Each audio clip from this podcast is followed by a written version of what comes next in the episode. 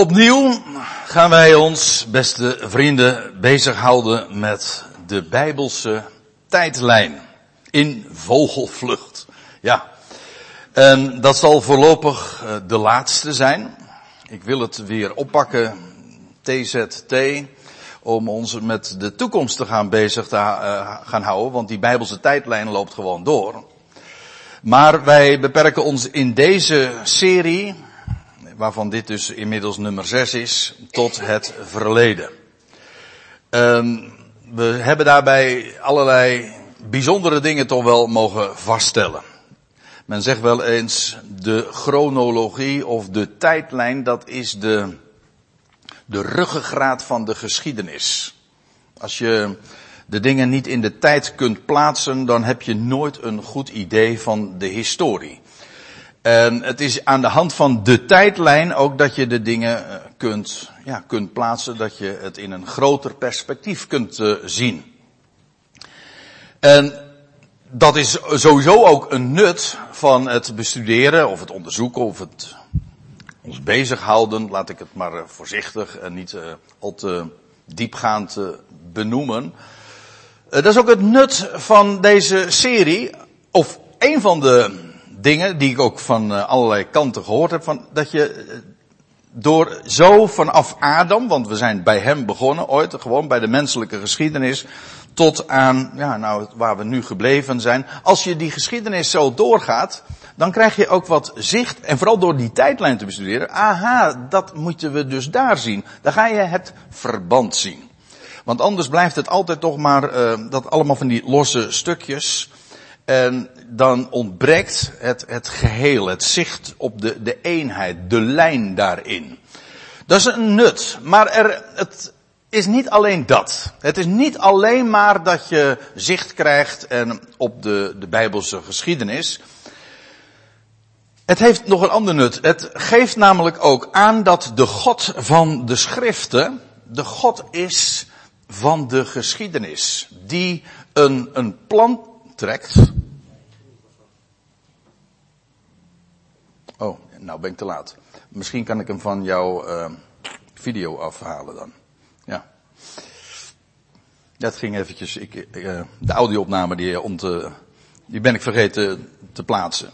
Maar goed. Helaas. Komt goed. Dat weer wel dan. Maar was ik gebleven? Uh,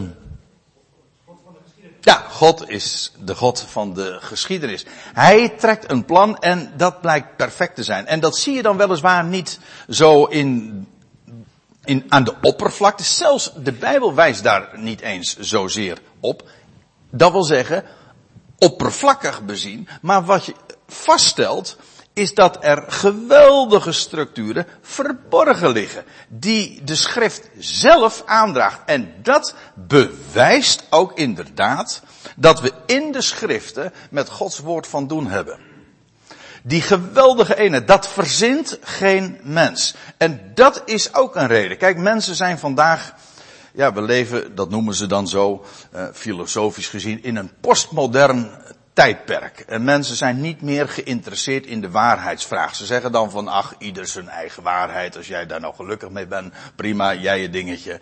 En, maar wat waar is, ja, mensen zijn, hebben de moed al opgegeven om zich daarmee bezig te houden, want daar kom je toch niet achter. Het geweldige van de schrift is, en daarin is ze uniek in haar waarheidsclaim, namelijk dat de schrift zichzelf ook bewijst. En dat is voor ieder toegankelijk. De Bijbel vraagt dus niet zomaar van uh, vertrouw, vertrouw dat wat hierin gezegd wordt. Nee, het geeft ook aan dat je door dat woord te lezen op solide bodem staat. Dat je dus maar niet zomaar een of ander religieus verhaal of filosofische stroming daarin volgt. Nee, het is solide. We weten. Het gaat dus maar niet alleen om voelen. Ik word daar wel eens niet goed van. Hè? Uh, als, als mensen daar altijd maar uh, over gevoel hebben. Het gaat in de eerste plaats om weten. En als je dingen weet, ja, dan valt er trouwens ook, eenmaal als je de dingen weet, valt er ook een heleboel te beleven. Maar je moet de boel niet omkeren. En dat is het. We hebben met, in de schrift te maken met de God van de waarheid. En nou, wat hebben we tot dusver gezien? En dit is eigenlijk een, min of meer een samenvatting van wat we tot dusver hebben besproken. Dat wil zeggen, uh, we hebben gezien, dat was de eerste keer, dat Abraham, of Abraham geboren werd in het jaar 2000. Dat wil zeggen, gerekend vanaf Adam. We hebben die tijdlijn ook gewoon uh, bezien. Dat wil zeggen, de schrift, uh, de bonnetjes die de Bijbel daarvoor aandraagt, bezien. En zo kun je zo'n tijdlijn ook inderdaad maken. En vanaf de geboorte van Abraham tot aan de uittocht van Egypte, dat is een periode van precies 500 jaar. De uittocht uit Egypte vond bijbels gezien plaats exact in het jaar 2500, anno hominis. Dat wil zeggen, gerekend vanaf Adam, het jaar van de mens. En die periode van 500 jaar keert iedere keer weer terug. En dat is van belang. Waarom? Omdat uh, eh, 500, ja, dat moet je dus ook weten. Daar komen we straks ook nog even over te spreken. Kijk, de Bijbelse jaargangen wordt gerekend in weken. Dat wil zeggen ook in weken van jaren. Moet ik even kort nog toelichten. Degenen die de vorige studies hebben be beluisterd, die weten waar ik het over heb. Maar mocht je dat niet hebben gedaan, dan wil ik dit nog eventjes zeggen. Kijk, je hebt een week van dagen. Dan is je, eh, je hebt zes dagen en dan krijg je de zevende dag. En dan zegt de Bijbel dat is de zevende dag is de Sabbat. Maar je kunt ook rekenen in weken van jaren. En dan is elk zevende jaar een Sabbatsjaar. Dat is een Bijbelse instelling. In Israël was het zo dat in het zevende jaar, dan werd het land braakgelegd, dan werd er niet gezaaid, dan werd er dus ook niet geoogst. Uh, dat was een jaar waarin het land Sabbat hield. Een sabbatical. Hè? Uh, wij gebruiken dat woord ook, maar uh, hebben het veel vrijer toegepast. Maar in de Bijbel was het dus letterlijk een, een sabbatical, dat wil zeggen een Sabbatsjaar. Na, en dan begon na zo'n Sabbatsjaar weer de cyclus van weer zes jaren het land bewerken en daarvan oogsten en dan weer een sabbatsjaar. Na zeven sabbatsjaren, dat is dus het 7 maal 7 is het 49ste jaar. Na zo'n 49ste jaar, na dat zevende sabbatsjaar, of na zeven jaarweken, kreeg je een, ja, een vijftigste jaar. En dat vijftigste jaar is altijd heel bijzonder, want dat is namelijk het jubeljaar. Daar gebeurde ook van alles. Dat was met recht een geweldig jaar waarin de schulden werden vrijgesproken, waarin slaven vrijkwamen. Nou ja, uh, dat was met recht een jubeljaar. Het vijftigste jaar. Dat is dus een cyclus van vijftig jaar, want na die vijftig jaar kreeg je weer, een, uh, weer die cyclus van uh, nieuwe jaarweken. Elk vijftigste jaar was een jubeljaar. Dat betekent dus dat na tien jubeljaren, ja, dat is dus 500 jaar. En wat je ziet in die geschiedenis van uh, eigenlijk vanaf de geboorte van Israël, de geboorte van Abraham, want hij is de stamvader. Wel, dan zie je dat de geschiedenis zich iedere keer in cycli van 500 jaren uh, zich, uh, hoe zeg je dat, voortschrijdt. De geboorte van Abraham, 500 jaar later, de uittocht uit Egypte. Weer 500 jaar later, werd Jeruzalem gereed gemaakt. Dat wil zeggen, de stad was gereed. Het was de koninklijke, priesterlijke zetel. Het was het jaar dat uh, de paleis en de tempel gereed kwamen in de dagen van Salomo. Precies 500 jaar later. Weer exact 500 jaar later, dat is wat we ook een hele zondag toen hebben besproken tijdens de samenkomst. Dat is de, de periode van de koningen. Weer 500 jaren. Dat wil zeggen, uh, eigenlijk was het 430 jaar en toen werd uh, Israël in, of Juda kwam in ballingschap. En de stad Jeruzalem werd compleet verwoest. En Jeremia, Jeremia, de profeet Jeremia had al voorzegd dat zal 70 jaar duren. Jeruzalem zal 70 jaar verwoest zijn en dan zal het weer uh, van Gods wegen ook herbouwd worden. En dat is ook inderdaad exact zo gegaan. En daar hebben we ons de laatste keer mee bezig gehouden. Met dit moment, dit jaar 3500. Want na die 70 jaren wordt inderdaad het woord uh, uitgebracht door koning Kores. Jeruzalem zou weer herbouwd worden en de ballingen, eh, dat wil zeggen, het hele land was ontvolkt en ze mochten weer terugkeren naar het eigen land. Een geweldig jaar. En dat was ook dus weer een jubeljaar. Ik moet er nog eventjes bij zeggen, die 70 jaren, ook dat hebben we uh, eerder besproken, die 70 jaren, dat was een vergoeding van Sabbatsjaren. Want Israël, ik heb het over Sabbatsjaren, maar Israël hield die instelling helemaal niet. Nou, toen heeft God gezegd, jullie houden geen Sabbatsjaren, dat wil zeggen jullie geven het land geen rust, dan neem ik die rust. En hij heeft 70 jaren van, uh, aan het land rust gegeven. Dat is dus eigenlijk een vergoeding van 500 jaren. want in, een periode van 500 jaren zou men 70 keer een Sabbatsjaar vieren. Dus, dit was ook weer het einde van een periode van 500 jaren. Nou, de vorige keer heb ik u laten zien, en toen hebben we ons vooral bezig gehouden met die geschiedenis van koning Kores. De machtigste man op, op aarde in die dagen. Van het, de, het hoofd van het, van het Persische Rijk. En Daniel was aan zijn hof. En Daniel heeft hem uh, verteld over het feit dat God uh, hem al bij name genoemd had honderden jaren van tevoren. Ik zeg het letterlijk zo, hè. Honderden jaren van tevoren had God al gezegd van het zal eenmaal Kores zijn die Jeruzalem weer gaat herbouwen. En Jeremia had gezegd wanneer dat zou zijn. Dus Kores wist, en dat zegt hij ook, de Heer heeft mij geroepen om Jeruzalem weer te doen herbouwen. En de, de, de, en de tempel en, enzovoorts. En hij heeft een woord doen uitgaan. En toen hebben we ook ons bezig gehouden met Daniel 9. En daar gaan we nu naartoe. En ik pak de draad op bij vers 19. Want dan lees je, dat is een prachtige geschiedenis. Uh, ik, even heel kort. Daniel, die uh, ja, die houdt zich bezig met de schriften en hij, hij, hij was uh, bezig met de profetie van, uh, van, van Jeremia. En toen, ja, toen, stelde hij vast, dit is inmiddels het 70ste jaar nadat Jeruzalem is verwoest. En dan, wat Je, Jeremia, pardon, wat Daniel dan doet, is hij gaat op de knieën. En hij, hij, hij, hij stelt vast en hij beleidt, hij erkent dat hoe, hoe het volk van Israël volkomen van Gods woord is afgeweken met alle gevolgen van dien, want daar wordt de mens nooit wijzer van. Ja, ik bedoel, het woord is licht en als je dat licht verwerpt, dan kom je in de, juist, in de duisternis.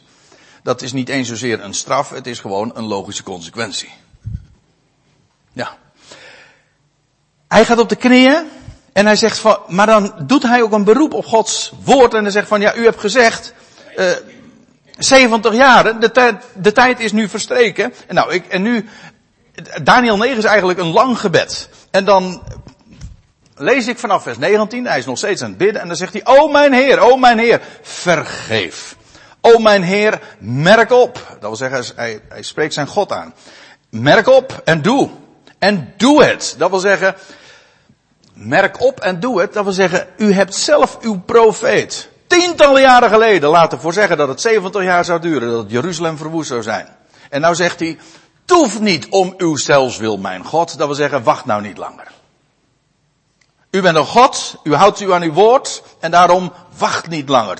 Toeven betekent dus wacht niet langer. Want uw naam is uitgeroepen over uw stad en over uw volk. Is een volk lief, de stad lief. En dat is de stad van, ja, van, van Gods belofte. Daar zou hij zijn naam doen wonen. Dus vandaar ook dit hartstochtelijke gebed. Uh, Daniel zegt, de termijn is vervuld. Nou, en dan lees je in vers 20 het geweldig. En terwijl ik nog sprak en bad en mijn zonde beleed en de zonde van mijn volk Israël en mijn smeekbeden neerwierp voor het aangezicht van Jahweh, mijn God, om de heilige berg van mijn God. Zeggen we om Jeruzalem dus. Terwijl, en terwijl ik nog sprak in het gebed, raakte de man Gabriel, die ik had gezien in het visioen in de aanvang, in eilende vlucht mij aan. Het was op de tijd van het avondoffer. Dus Daniel is in gebed. En terwijl hij nog aan het bidden is, wordt hij aangeraakt door een man, Gabriel. Wie hij verder is geweest, dat doet nu even niet de zaken. Hij zegt, ik had hem eerder gezien, et cetera. Maar die kwam nu in eilende vlucht op hem aan en hij raakte hem aan. En het was de tijd van het avondoffer. Dat is ook trouwens niet zomaar, maar goed. En hij, dat is die Gabriel dus, die legde uit en sprak tot mij zeggende, nu Daniel ben ik uitgegaan. Waarom? Om jou inzicht en begrip te geven. Bij de aanvang van jouw smeekbeden is het woord uitgegaan en ik ben gekomen om dat jou te vertellen, want je bent gewaardeerd. In de MBG-vertaling staat, want je bent bemind. Ja, zeer bemind. Ja, je bent zeer bemind. Hoort u wat hier zegt? Daniel die doet een beroep op Gods belofte. De Heer zegt, de tijd is, is de, de termijn is vervuld. Het is inmiddels het zeventigste jaar. Jeremia heeft erover gesproken. Dan zou uh, het, de, de stad weer hersteld worden. En, en hij doet een beroep op God en hij zegt, vertoef niet. Nou, en dan komt die man Gabriel en hij zegt van toen jij begon, hè, bij de aanvang van jouw smeekbeden, toen jij begon te bidden, toen is er een woord uitgegaan. En ik ben gekomen om jou dat te vertellen. En welk woord uitgegaan? Nou, het ging erom dat Jeruzalem weer hersteld zou worden. Want dat is waar, waar Daniel een beroep op doet. Daniel weet, nu, de tijd van, van verwoesting en de tijd van ballingschap is nu voorbij. Die termijn is vervuld. En ja, nu, Heer, het niet langer. Nou, zegt, uh, zegt die Gabriel. Toen jij begon, begon te bidden, dus nog voordat jij iets had gezegd, iets had beleden, had God al het zo geregeld dat het woord is uitgegaan. Kores, die heeft het woord uitgevaardigd om de ballingen te doen terugkeren en om Jeruzalem en de stem en de tempel te herbouwen. En ik ben gekomen om dat jou te vertellen. Want je bent, je bent gewaardeerd. We lezen inderdaad ook al in Jesaja 44. Dat, dat was dus honderden jaren van tevoren dat God Kores, hij had hem bij name geroemd, dat het Kores zou zijn die de tempel zou, zou herbouwen. Dus ja, toen, uh, aangezien Daniel een, een, uh, een van de, de intimi was in binnen de kring ook van Kores, heeft, heeft Daniel daar ongetwijfeld ook over gesproken. En Kores wist wat hem te doen stond. Hij was bij name genoemd. De tijd was nu daar. En nu deed hij een woord uitgaan om Jeruzalem te herbouwen. En dan zegt hij, begrijp dan wat in het, begrijp dan wat in het woord is en begrijp wat in het visioen is. Hij gaat namelijk iets vertellen over een, een nieuwe waarheid. Want tot dusver heeft hij gebeden en nu komt deze Gabriel hem vertellen van, nou, waar jij, voordat jij begon te bidden, was, uh, was uh, het allemaal in karnen en kruiken. En God had al jouw beden gehoord voordat je het uitgesproken had. Waarom? God is een man, oh God is een, nee, God is iemand die je op zijn woord kan nemen. Dat is God. Dat is geweldig. Dat, is, dat bedoel ik dus ook met die solide grond. Dat moet je weten. Als je dat weet, nou dan heb je echt inderdaad, dan kun je, dan kun je alle stormen doorstaan. Echt. Waarom? Omdat dit is het woord wat solide is en wat alles door de, door de aion heen, maar ook door de eeuwen heen en door alles heen, wat er ook tegen gezegd wordt, het is solide. En nou, maar hij, die Gabriel gaat nog iets anders vertellen. Hij zegt, hij en begrijpt nu wat in dat woord is en wat in dat visioen is. En nou gaat hij zeggen, 70 weken worden afgegrensd.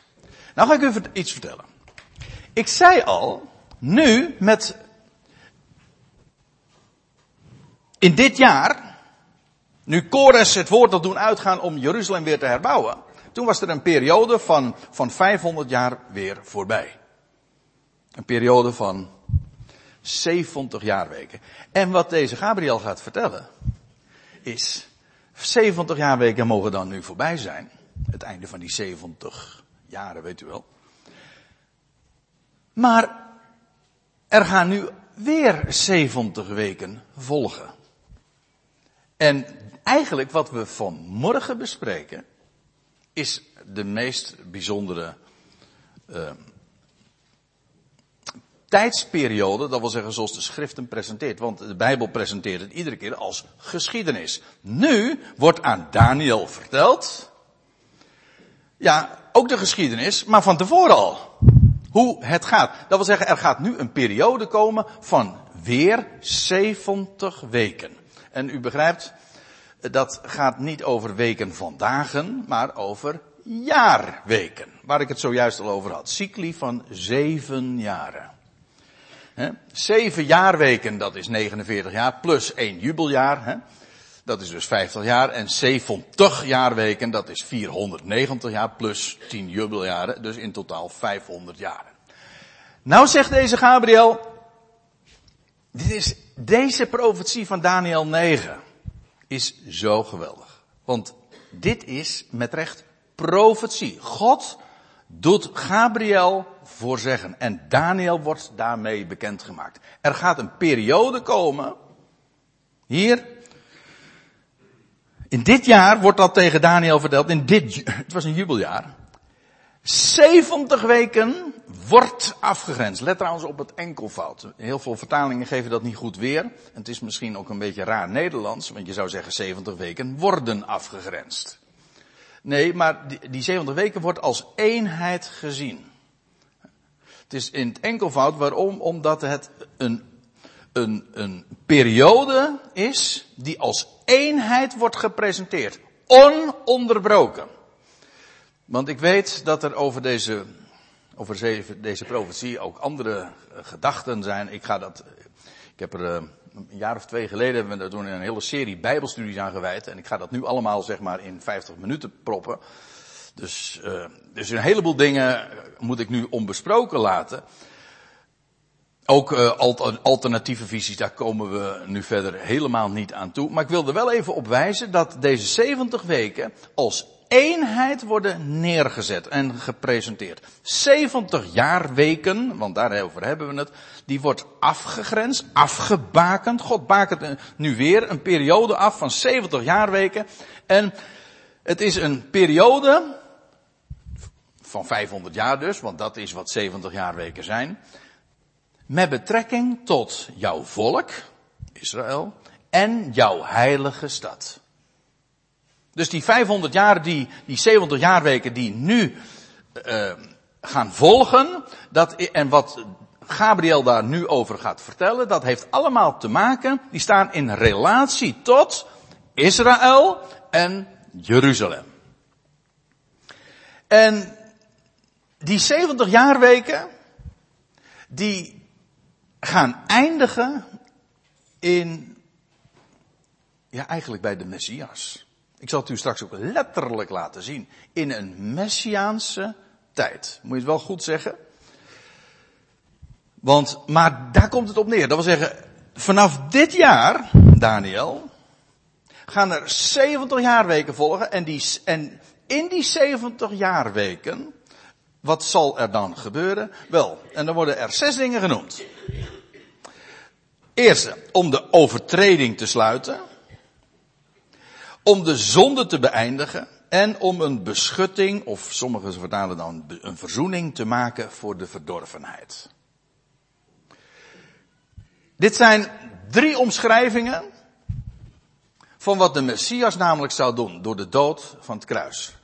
Het, want het kruis, de dood aan het kruis, het tekent en het betekent het einde van de overtreding en de zonde. De Hebreeënbrief gaat, is eigenlijk een, een uitgebreide toelichting op dat feit. En het dient ook als een beschutting voor de verdorvenheid. Een beschutting, dat is eigenlijk het woordje kiper, kippur, yom kippur, denk daar maar aan. De, waarin de kruisdood en door de kruisdood en, en de opstanding, daarin heeft de mensheid en Israël in het bijzonder natuurlijk een beschutting, is er veilig gesteld en dat is precies ook waarin een mens eh, beschermd wordt. Nou, dat wordt voorzegd. In die 70 jaarweken die leiden uiteindelijk daartoe. Dat de overtreding wordt gesloten, de zonde beëindigd en de beschutting wordt uh, gemaakt voor de verdorvenheid. Ik zei al, uh, dit, sowieso is dit een wat letterlijke weergave. En klinkt dat misschien niet allemaal zo heel erg, heel erg gestroomlijnd in het Nederlands. Maar ik wil zo dicht mogelijk bij die Hebreeuwse tekst komen, zoals het ons is overgeleverd. En dan staat erbij om te brengen rechtvaardigheid van Ionen. Met andere woorden, die 70 jaarweken die nu gaan komen, zegt Gabriel tegen Daniel. Die 70 jaarweken die nu gaan komen, die zullen eindigen in een geweldige tijd. Dat wil zeggen, nou ja, wat die eerste drie dingen die al aangekondigd waren, maar ook die gaan rechtvaardigheid van Ionen brengen. En ik zal u vertellen, en ik geef meteen maar uh, de, de vervulling daarvan ook aan. Dit heeft alles te maken met wat God doet en heeft gedaan door de dood en de opstanding van de Heer Jezus Christus. Waarin hij een bediening van rechtvaardigheid, gerechtigheid. Wat toen, 2000 jaar geleden, door het kruis en de opstanding. God deed zijn zoon opstaan uit de doden. Toen bracht hij rechtvaardigheid, gerechtigheid aan het licht. En dat zal de Ionen door zijn beslag gaan krijgen. En ook gestalte krijgen. Om te brengen rechtvaardigheid van Ionen. Dus nog iets. Te verzegelen visioen en profeet. hey, die, die 70 jaarweken die nu zouden gaan komen, die zouden ertoe leiden dat het volk en de heilige stad dat het, de, het visioen moet het natuurlijk zijn, en uh, dat, uh, en profeet zouden worden toegesloten. Verzegelen wil zeggen, als je een boek verzegelt, dan wil zeggen, dan maak je het uh, ontoegankelijk. Dan kun je het niet meer openen.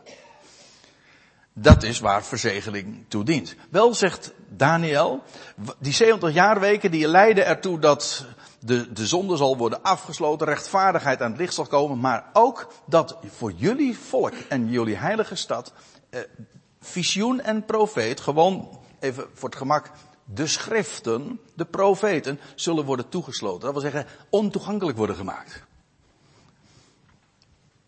Ze zullen niet verstaan meer kunnen worden en begrepen. De schrift wordt eigenlijk toegesloten en men zal het niet verstaan. En staat er nog bij, dat wordt, is, wordt als zesde dan gezegd, om te zalven de heiligheid van heiligheden. Iets allerheilig staat er in de MBG vertaling. Dit is de definitieve zalving van de Messias. Eigenlijk is dit een, een dubbelop. In, want het woordje Messias, Mashiach, betekent eigenlijk ook gezalfd. En toen hij toen de Messias aantrad, toen werd hij gedoopt in de Jordaan. En dat lees je al, dat dat in feite een salving was. De geest kwam op hem. Maar later, toen hij opstond uit de dood en toen de, ja, door de geest van God, hij kreeg toen de geest, dat heet ook salving. Toen werd hij gemaakt tot Christus. Wel, wat hier gezegd wordt, in deze omschrijving, op zes verschillende manieren, zegt allemaal dit. Die 70 jaarweken eindigen bij de Messias. En wat hij tot stand gaat brengen. Het mag misschien wat moeilijk klinken soms. En daarom, heb, daarom sta ik bij verschillende details even speciaal stil. Maar daar komt het op neer.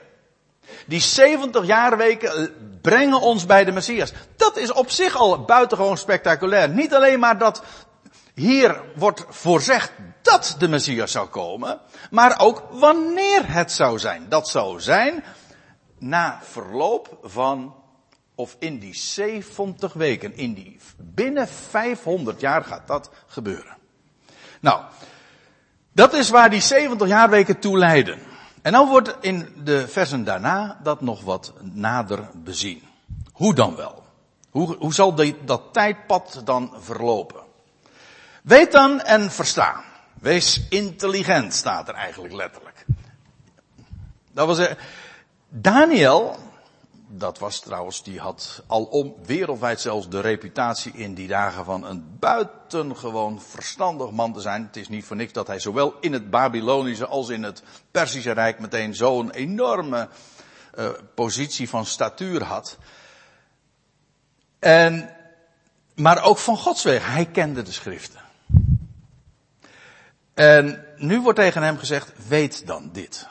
En versta het. Van, dus, in eerst, het voorgaande vers, even samengevat. Het voorgaande vers wordt gezegd, die 70 weken waar ze toe leiden. Eventjes, kort door de bocht. Ze leiden naar de Messias. Zo kort door de bocht is nou ook weer niet, want straks zullen we het expliciet zelf zien. Die 70 jaarweken die nu beginnen, die zullen brengen, die zullen leiden naar de Messias. En nou staat er, weet dan en versta vanaf het uitgaan van het woord. Hé, hey, hebben we het weer. In een paar vers eerder werd het ook al gezegd. Vanaf het uitgaan van het woord, dat wil zeggen welk uitgaan van het woord? Nou, vanaf, het, vanaf dat het woord uitging om Jeruzalem te herstellen. Om, dit jaar. Voordat Daniel begon te bidden, was er een woord uitgegaan om Jeruzalem te doen herstellen. Nou, zegt uh, deze Gabriel, die 70 weken gaan in vanaf het uitgaan van het woord. Dat is het beginpunt. Dat moet je weten natuurlijk, want als, uh, als er iets, een tijdsperiode wordt aangekondigd, dan moet je weten waar moet je beginnen te rekenen. Nou, hier wordt dat uitdrukkelijk gezegd, hè, om dat te begrijpen en te verstaan, vanaf het uitgaan van het woord. Aha, vanaf dit moment dus, in dit jubeljaar, vanaf het uitgaan van het woord om te doen terugkeren en Jeruzalem te herbouwen, wat zojuist tegen Daniel was gezegd. Het is hier, Daniel had gezegd van, heer, het hoeft niet langer. En nou kreeg hij van deze Gabriel te horen van, nou, voordat jij begon te bidden, is dat woord al uitgegaan. En ik ben gekomen om jou dat te vertellen. Nou, vanaf dat moment, vanaf het, het uitgaan van het woord om te doen terugkeren en Jeruzalem te herbouwen,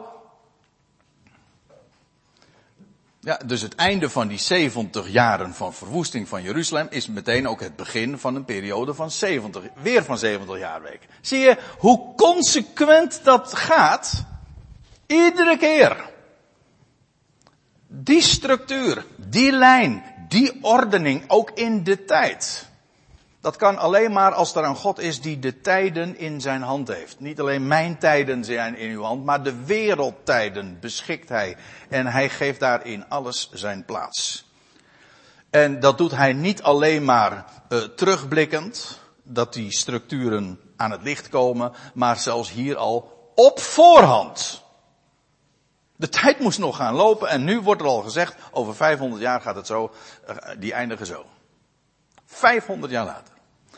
Moet je je voorstellen dat in, het was vorig jaar, de, Lutherjaren, was het 500 jaar geleden dat Luther uh, geboren werd. Nee, zeg ik het goed? Nee, Luther uh, niet geboren werd. Dat, uh, het jaar van de Reformatie, ja, 1517. Dat, zo'n, zo'n blok van tijd hè. Daarover gaat het hier. 500 jaar. Vanaf het uitgaan van het woord om te doen terugkeren en Jeruzalem te herbouwen, tot aan de Messias, zijn 7 weken en 62 weken. Dat is dus in totaal, ja, dat zijn 69 weken. Toch? Ja. Maar die, die, die dus vanaf dat, vanaf dat, uh, dat het woord uitging, van Kores namelijk, wel, van tot aan de Messias, die immers een vorst is, wel, dat zal zijn een periode van 7 weken en 62 weken. Dus die periode die nu gaat volgen tot aan de Messias wordt in tweeën gehakt. Uh, uh, ik had nog een plaatje daarbij. Nee, heb ik niet. Dat dacht ik. Uh, maar in ieder geval, ik kan het ook heel gemakkelijk laten zien. Of je kunt het heel gemakkelijk je voorstellen. Het woord gaat uit om Jeruzalem te herbouwen. Dan volgt er een periode van zeven weken. En daarna weer een, eigenlijk dus zeven weken. Dat is weer zo'n cyclus van sabbatsjaren en een, een jubeljaarcyclus. En daarna nog weer 62 weken. En die eindigen, dat is van belang, die vanaf dat moment tot aan de Messias vorst zijn 7 weken en 62 weken. 69 weken dus.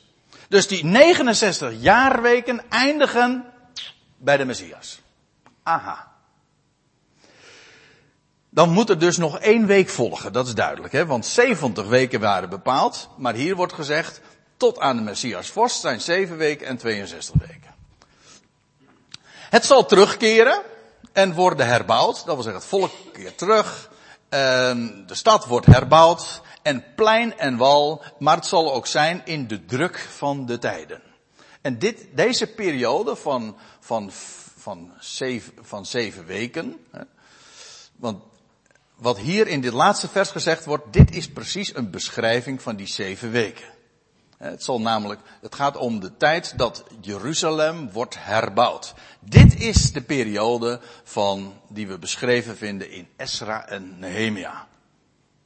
Het volk keert terug, nou ja, uiteindelijk ook maar een handje vol hoor. Uh, enkele tienduizenden, 42.000 uh, keren terug. En onder enorme druk, want op volgende regeerperiode van diverse vorsten en dergelijke, uh, het, het, werk moet ook iedere keer weer gestaakt worden. 49, 49 jaren, oftewel uh, 7 jaarweken, die, uh, die worden gereserveerd hier voor de, de terugkeer en ook de herbouw van plein en wal. Het, is, het zal zijn in de druk van de tijden. Nou, dat is perfect ook een beschrijving van die periode. We vinden hem ook beschreven bij verschillende profeten zoals daar zijn Haggai en Zacharia. Die periode. Over die zeven weken wordt verder niet meer gezegd dan alleen dit. En, nou, nou gaan we weer verder. En na de 62 weken, dat wil zeggen, eh, dus je had 7 weken en 62 weken. En na die 62 weken, dus in totaal na die 69 weken, zal de Messias worden afgesneden. Of, zoals de meeste vertalingen zeggen, zoiets als uitgeroeid. Dat is wat het betekent. Hij wordt weggedaan. Hé, hey, dit is ook weer zo eigenaardig. Eigenaardig, lijkt me zacht gezegd. Hier wordt dus gezegd wat er gebeurt wanneer de Messias zal komen. Maar ook wat er met de Messias zou gebeuren. Dus in het Oude Testament, in de Hebreeuwse Bijbel, 500 jaar van tevoren wordt gezegd wanneer de Messias zou komen, maar ook wat er met hem zou gebeuren, namelijk hij zou na die 69 weken, of na die 62 weken zo u wilt, zal hij worden afgesneden, uitgeroeid. dus, oh, nou krijg je toch dat plaatje waar ik net aan uh, refereerde. Dus, zeven weken van herbouw van de stad, en dan, volg, en dan uiteindelijk nog één, volgt er één week. Maar deze periode eindigt, deze 69 jaar weken eindigen bij Messias vorst. En begrijpt u trouwens nu ook dat als de Heer Jezus na zijn doop in de Jordaan, wat in feite een salving was. De, Petrus zegt dat ook in Handelingen 10. Toen hij gezalfd was in de Jordaan. Wat, toen begon hij te prediken. En toen zei hij, het koninkrijk gods is nabij. De, en wat riep hij daar iedere keer bij? De tijd is vervuld. Dan moet je vragen, welke tijd is vervuld? Nou, in ieder geval deze. De termijn is verstreken. De tijd die de profeten, in meer speciaal door Daniel is voorzegd, wel die termijn, die is inmiddels vervuld. Hier ben ik. Het is eigenlijk net als met, met Daniel die zegt aan het einde van die 70 jaar van Heer, het hoeft niet langer. Nou, en hij wordt op zijn wenken bediend en zegt voordat jij begon te bidden, toen had, was het woord al uitgegaan om Jeruzalem te doen herbouwen. Toen was ook de tijd vervuld. Iedere keer zie je dat weer. Zoals we dat gezien hebben toen al, aan Abraham werd verteld. Dat, dat, zijn, dat zijn nageslacht na 400 jaren verdrukking et cetera zou uittrekken uit Egypte. En op het jaar, wat zeg ik, op de dag nauwkeurig is dat, is dat vervuld, lees je later. Kijk, dat is de God van de Bijbel. God voorzegt. En daarom, en dat is het grote belang daarvan, daarvan kun je op aan. Hier lees je dus, notabene, in de profeten van Israël, wanneer de Messias zou komen. En, dat niet alleen, wat er met hem zou gebeuren. Hij zou worden afgesneden. Wat normaal gesproken in elders, zoals je dat dan woord, dat woord dan ook tegenkomt. Het wordt altijd gebruikt voor eh, in, de, in het verband van uitroeien of doden of vermoorden of woorden van die strekking. Dat is wat er met de Messias zou gebeuren.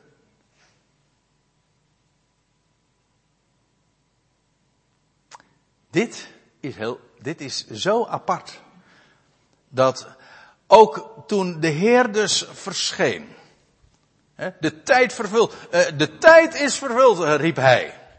Iedere keer weer. Het was trouwens ook zo dat later Paulus in de gelaten brief zegt. En in de volheid des tijds heeft God zijn zoon gezonden. Dat wil zeggen, toen de tijd, ja, niet alleen maar rijp was. Nee, het is de termijn was vervuld. Het is heel exact dus. Nou, hier staat het ook. Na de 62 weken zal de Messias worden afgesneden. Oei. Maar dat is pijnlijk. Dat is, dat is, dit, dit komt ook niet overeen met de messiaanse verwachting van Israël natuurlijk. Want als de Messias komt, dat is tot de dag van vandaag eigenlijk het grote bezwaar tegen, tegen het Joodse bezwaar tegen het Nieuwe Testament. Ja, hoor eens even, als de Messias komt, dan zou eh, er een messiaanse tijd aanbreken. En dan, dan zou het, dan zou de, ja, dan wordt, dan zou Israël een, een ereplaats hebben in de wereld en dan zullen alle volkeren onderworpen worden. Dat, dat is wat zij verstaan onder uh, de komst van de Messias. Dat klopt ook wel, maar dat is pas later. Eerst zou de Messias, zoals hier staat, worden afgesneden. En er staat er nog bij, hij zal niet hebben. Andere vertalingen zeggen hier, zonder dat er iets tegen hem is. Eindloos staat er in het Hebreeuws en dat betekent inderdaad heel letterlijk, hij zal niet hebben. Ik neem dat ook gewoon in die zin van letterlijk van, hij zal niet hebben, dat wil zeggen dat wat hem als Messias vorst zal toekomen. Of zou toekomen, namelijk de heerschappij. Dus die Messias wordt afgesneden en hij heeft niks. Dat wil zeggen niet dat wat hem als vorst toekomt. Het koninkrijk. Het, de heerschappij.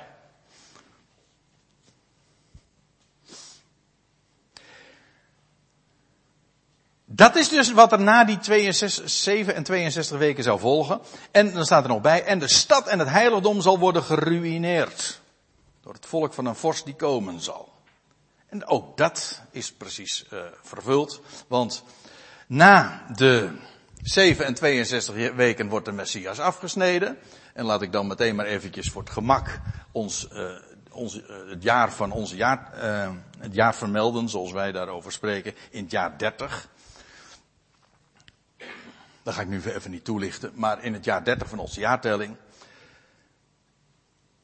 En precies 40 jaar later trouwens, nadat hij werd afgesneden, een generatie later, toen werd de stad en het heiligdom inderdaad geruineerd in het jaar 70. Dat is allemaal gebeurd daarna. De, de Messias werd afgesneden en vervolgens werd, uh, kwamen de Romeinen enkele tientallen jaren later en de stad en het heiligdom, die werden inderdaad ook geruineerd. Door het volk van de vorst die komen zal. En zijn einde, en dan gaat het over uh, de, de heilige stad trouwens, niet over die vorst, maar over de heilige stad, namelijk het heiligdom, zal zijn in de overstroming. Ik zei al, uh, bepaalde woorden en de hele formulering die verdienen echt toelichting. En vandaar ook dat je er met gemak uh, hele serie studies aan kunt wijden van wat staat er nou precies. Doen we dus nu niet. Wij nemen nu eventjes de McDonald's versie, hè. Vast, hè. En dus als er staat, zijn einde zal zijn in de, in de overstroming. Dat is de beeldspraak die in Daniel meerdere keren wordt gebezigd. En dan gaat het over oprukkende legers. He, kun je je voorstellen, de beeldspraak. Er uh, rukken legers op. Wel, en daarin kom je dan op. En de, eh, de associatie met een overstroming, die kun je dan heel gemakkelijk ook uh, begrijpen. Zijn einde, dat wil zeggen die van het heiligdom, zal zijn in de overstroming. En tot het einde toe een uitdrukking die, heel, die ook in Daniel vaak gebezigd wordt. Dan gaat het inderdaad over de eindtijd. En tot aan de eindtijd toe zal er oorlog zijn, vastbesloten verwoestingen.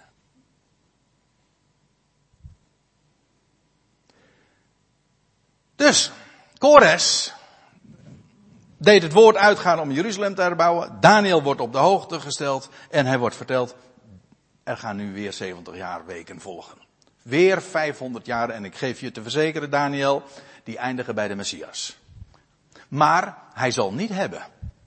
Hij wordt afgesneden. En dat was natuurlijk wel, uh, in hoeverre Daniel dit allemaal uh, tot Daniel doorgedrongen is, dat weet ik niet.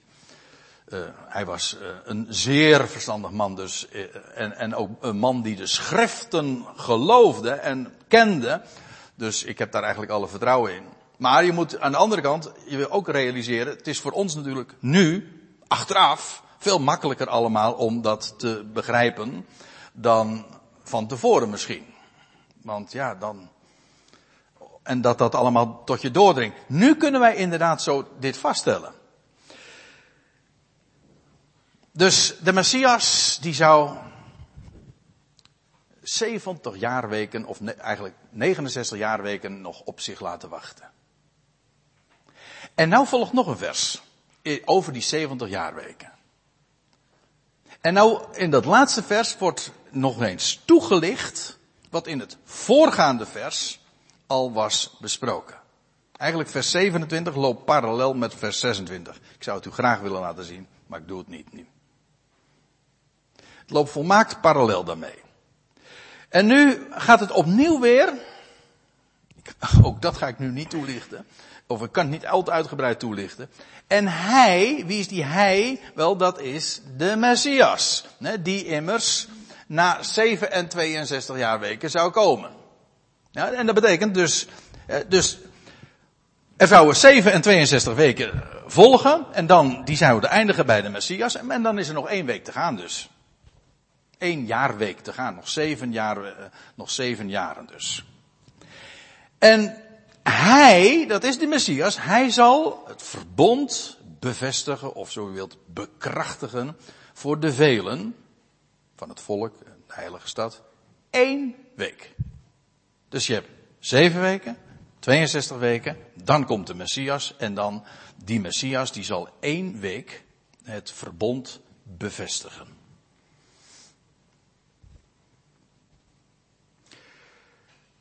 Het verbond bevestigen, ja hoe dan? Nou, door woord.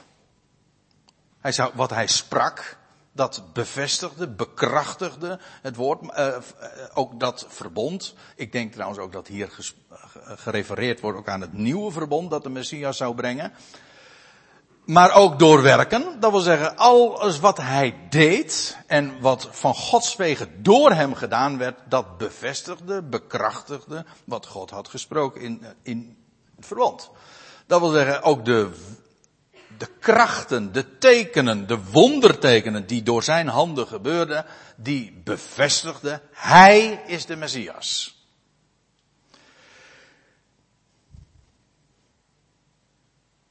En dan wordt er gezegd, hij zal het verbond bevestigen voor de velen, één week. In de helft van de week zal hij slachtoffer en spijsoffer doen ophouden de helft van de week. We hebben al gezien, een week, een jaarweek dus, duurt. Zeven jaar. Dus in de helft van de jaarweek is, als je het heel letterlijk neemt, drieënhalf jaar. Dus midden in die perioden van zeven jaren. In de helft van de week. Ik zal u dit vertellen, en dat is trouwens vrij algemeen bekend, wat ik nu ook, uh, wat ik nu ga zeggen. De Jezus in zijn bediening op aarde, dat wil zeggen die officieel dan aanving hè, bij zijn doop in de Jordaan. Toen werd hij met recht gezalfd, werd hij Messias. Het was, dat was het, dat was, toen was een einde eh, gekomen aan die 69 jaarweken. En nu volgt, het was het begin dus van de laatste jaarweek. Vanaf het moment dat de Heer Jezus begon met zijn optreden. En dat hij riep, de tijd is vervuld. Kom tot inkeer. Bezin je. Het koninkrijk komt. Vanaf dat moment tot aan zijn kruisiging is een periode geweest van drie, ruim drie jaar, drieënhalf jaar. Dus de tijd vanaf zijn doop tot aan Golgotha is een periode geweest van 3,5 jaar. In de helft, wel, wordt hier gesproken, hij zal het verbond bevestigen voor de vele één week. In de helft van de week zal hij slachtoffer en spijsoffer doen ophouden. En wat gebeurde er toen? Als we het nu hebben over de periode, over het moment dat de Heer Jezus, dat was trouwens ook in de tijd van het avondoffer, dat hij stierf. In uur stierf hij. Net op het moment dat de offers weer gebracht werden, toen stierf hij. En wat gebeurde er toen? Toen hij stierf. De Romeinse hoofdman heeft het vanaf de plek dat hij, uh, dat hij zo de Heer Jezus kon zien, heeft hij, toen zag hij dat reusachtige gordijn voor de tempel, niet in de tempel, maar voor de tempel, pakweg 5, 26 meter hoog. Een gigantisch gordijn was dat. Hij zag dat zo scheuren. Dus de Heer Jezus stierf. Kon, kan je trouwens alleen maar zien vanaf de Olijfberg. Maar dat is weer een verhaal apart. Hij zag de Heer Jezus sterven en hij zag daar op de achtergrond de tempel en dat reusachtige gordijn dat scheurde van boven naar beneden op dat moment. En toen, dan lees je ook, toen de Romeinse hoofdman dat zag, zei hij waarlijk, dat was zoon. Dat was trouwens ook net het moment dat het avond overgebracht werd. Dus wat, wat gebeurde er? Van Gods wegen werd toen de offerdienst gestaakt. Ook eigenlijk officieel was daarmee feitelijk de hele offerdienst ook vervuld. En uh, ja, eigenlijk ook, uh, hoe zeg je dat nou netjes? Of, uh, over de datum? Over, over de tijd, dat wil zeggen, het had zijn, inmiddels zijn vervulling gevonden. Hij deed slachtoffer en spijsoffer staken of ophouden. En van Gods wegen werd dat ook bekrachtigd in, doordat net op het moment van het avondoffer dat de, dat gordijn scheurde. Dat was in de helft van die jaarweek. Dus de Heer Jezus begon aan het einde van die, zeven, van die 69 weken zijn optreden. Drieënhalf jaar lang heeft hij gepredikt en de tijd is vervuld en toen werd hij gekruisigd. Na drieënhalf jaar. Ik moet er trouwens bij zeggen, hij is, dat is impliciet, dat wil zeggen, het wordt niet expliciet gezegd, maar er ligt wel in besloten dat de Messias dus kennelijk weer is opgestaan, want hij zou het verbond bevestigen één week lang. Nou, dat is ook gebeurd. Want wat gebeurt er na Golgotha? Toen heeft de Messias, maar nu als de opgestane, want drieënhalf, drie dagen later stond hij op uit de doden. En toen heeft hij voor het volk en voor de heilige stad nog eens drieënhalf jaar lang het verbond bevestigd. Want wat gebeurde er? Het woord klonk. En niet alleen het woord klonk, maar nu door de, door de mond van de, de apostelen, van de twaalf, maar ook geweldig wondertekenen. En weet u tot hoe lang dat doorging? Tot de dood van Stefanus. Tot toen de Heer Jezus opstond, toen is vervolgens opnieuw weer een periode van 3,5 jaar uh, begonnen. Dus die zeven jaren, of die, laatste jaarweek, die valt uiteen in twee delen. 3,5 jaar dat de Heer Jezus optrad hier op aarde. En 3,5 jaar dat de, de apostelen spraken en getuigden en wondertekenen, dat door hun handen wondertekenen plaatsvonden. Het verbond werd bevestigd. En totdat het, het volk officieel, het Sanhedrin, ook Stefanus toen stenigde. En dan lees je dat, dan houdt het op. En dat is inderdaad, ook als je dat elders leest, je leest nergens trouwens dat dat precies 3,5 jaar was. Iedereen weet wel dat, eh, dan zegt men van ja, die periode tot de dood van Stefanus, dat is zo tussen de twee en de vier jaar geweest. Nou, dat klopt wel. Ja. ja. Het gekke is, historisch gezien, uh, kun je daar niet eens je vinger achter eh, krijgen. Maar profetisch wel, dat wil zeggen, de, de, de accuratesse waarmee Daniel dit al voorzegt, die is nog, die heeft, die vertoont nog meer finesses dan de, dan wat geschiedkundigen ons laten weten. Dat is een hele zin, maar begrijpt u hem? Dus vooraf wordt al met grotere nauwkeurigheid gezegd hoe lang die tijd zou zijn dan achteraf ons uh, ooit is verteld. In ieder geval, de Messias diende zich aan en zeven jaar lang is voor het volk en de heilige stad het verbond bevestigd. Eerst drieënhalf jaar door de Heer Jezus, vervolgens stierf hij werd afgesneden, maar daarmee werd ook slachtoffer en spijsoffer gestaakt. En vervolgens nog eens een drieënhalf jaar wordt in Jeruzalem getuigd van de opgestane Messias en de tijd die vervuld is, et cetera. En dan houdt het op. Dat wil zeggen, de wondertekenen houden dan op. En dan begint er ook een heel nieuwe periode. Maar dat heeft weer alles met Saulus Tarsus te maken.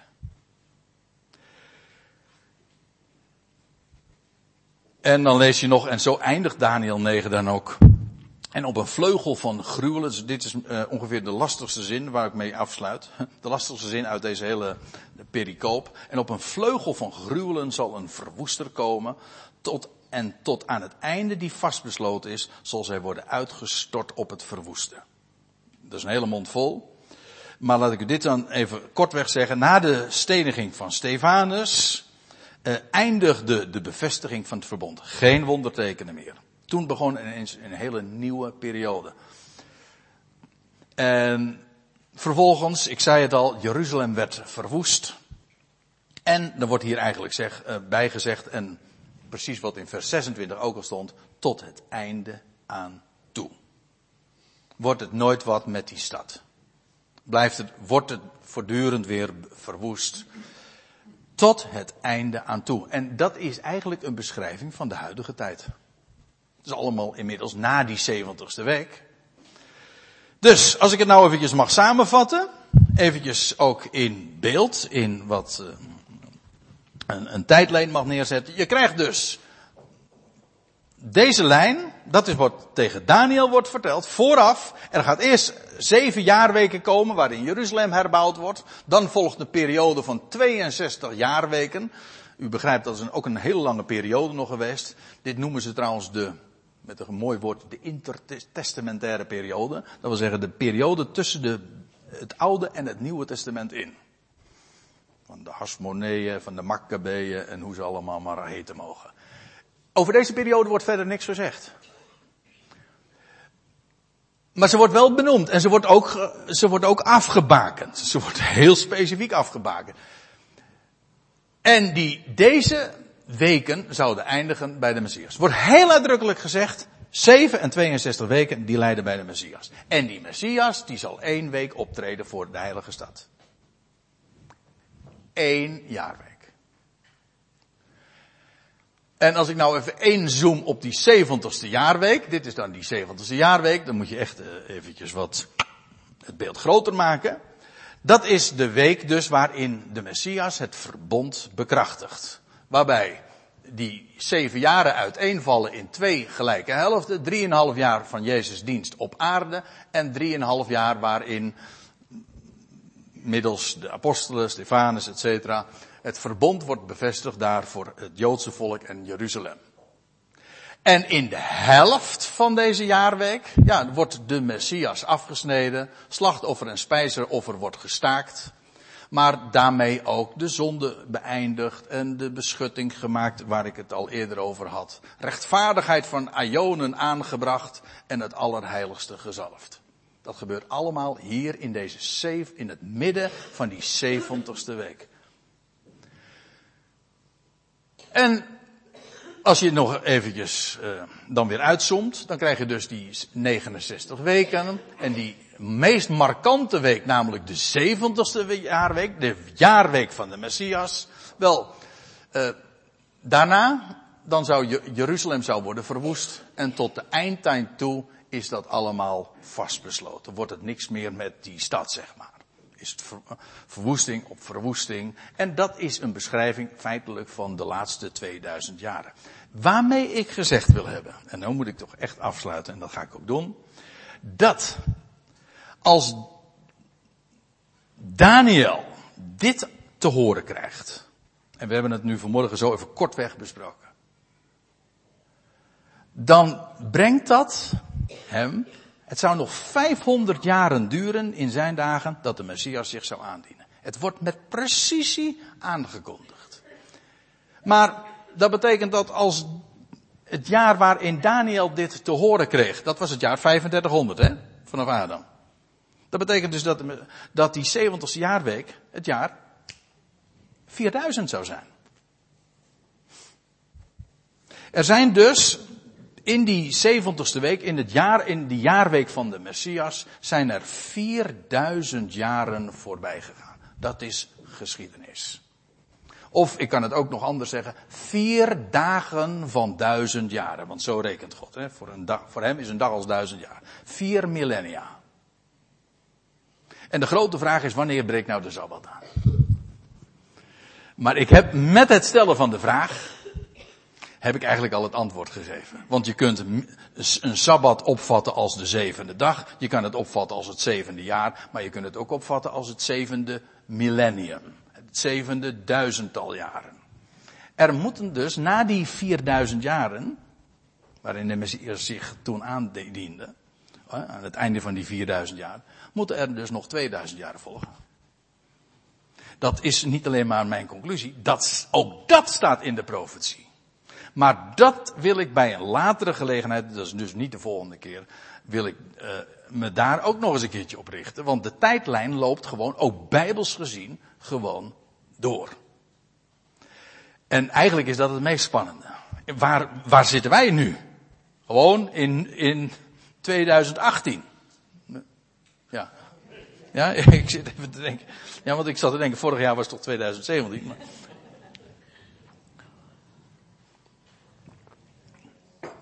Maar het is een, als je dit allemaal zo beziet, en dat is echt het allerlaatste, als je dit allemaal zo beziet, dan, dan kom je onder de indruk van, van wat we hier voor kostbaar goud, maar ook een solider grondslag, een rotsbodem hebben gevonden in de schriften. Dit is zo onvoorstelbaar rijk. En hier kun je op blind varen. Dit is een, een lichtstraal in de duisternis. Wij weten waar we vandaan komen, we weten waar we naartoe gaan en dit is geweldig. En dat, waar het om gaat is dat we dat ook weten en verstaan. Zullen we met elkaar een lied zingen?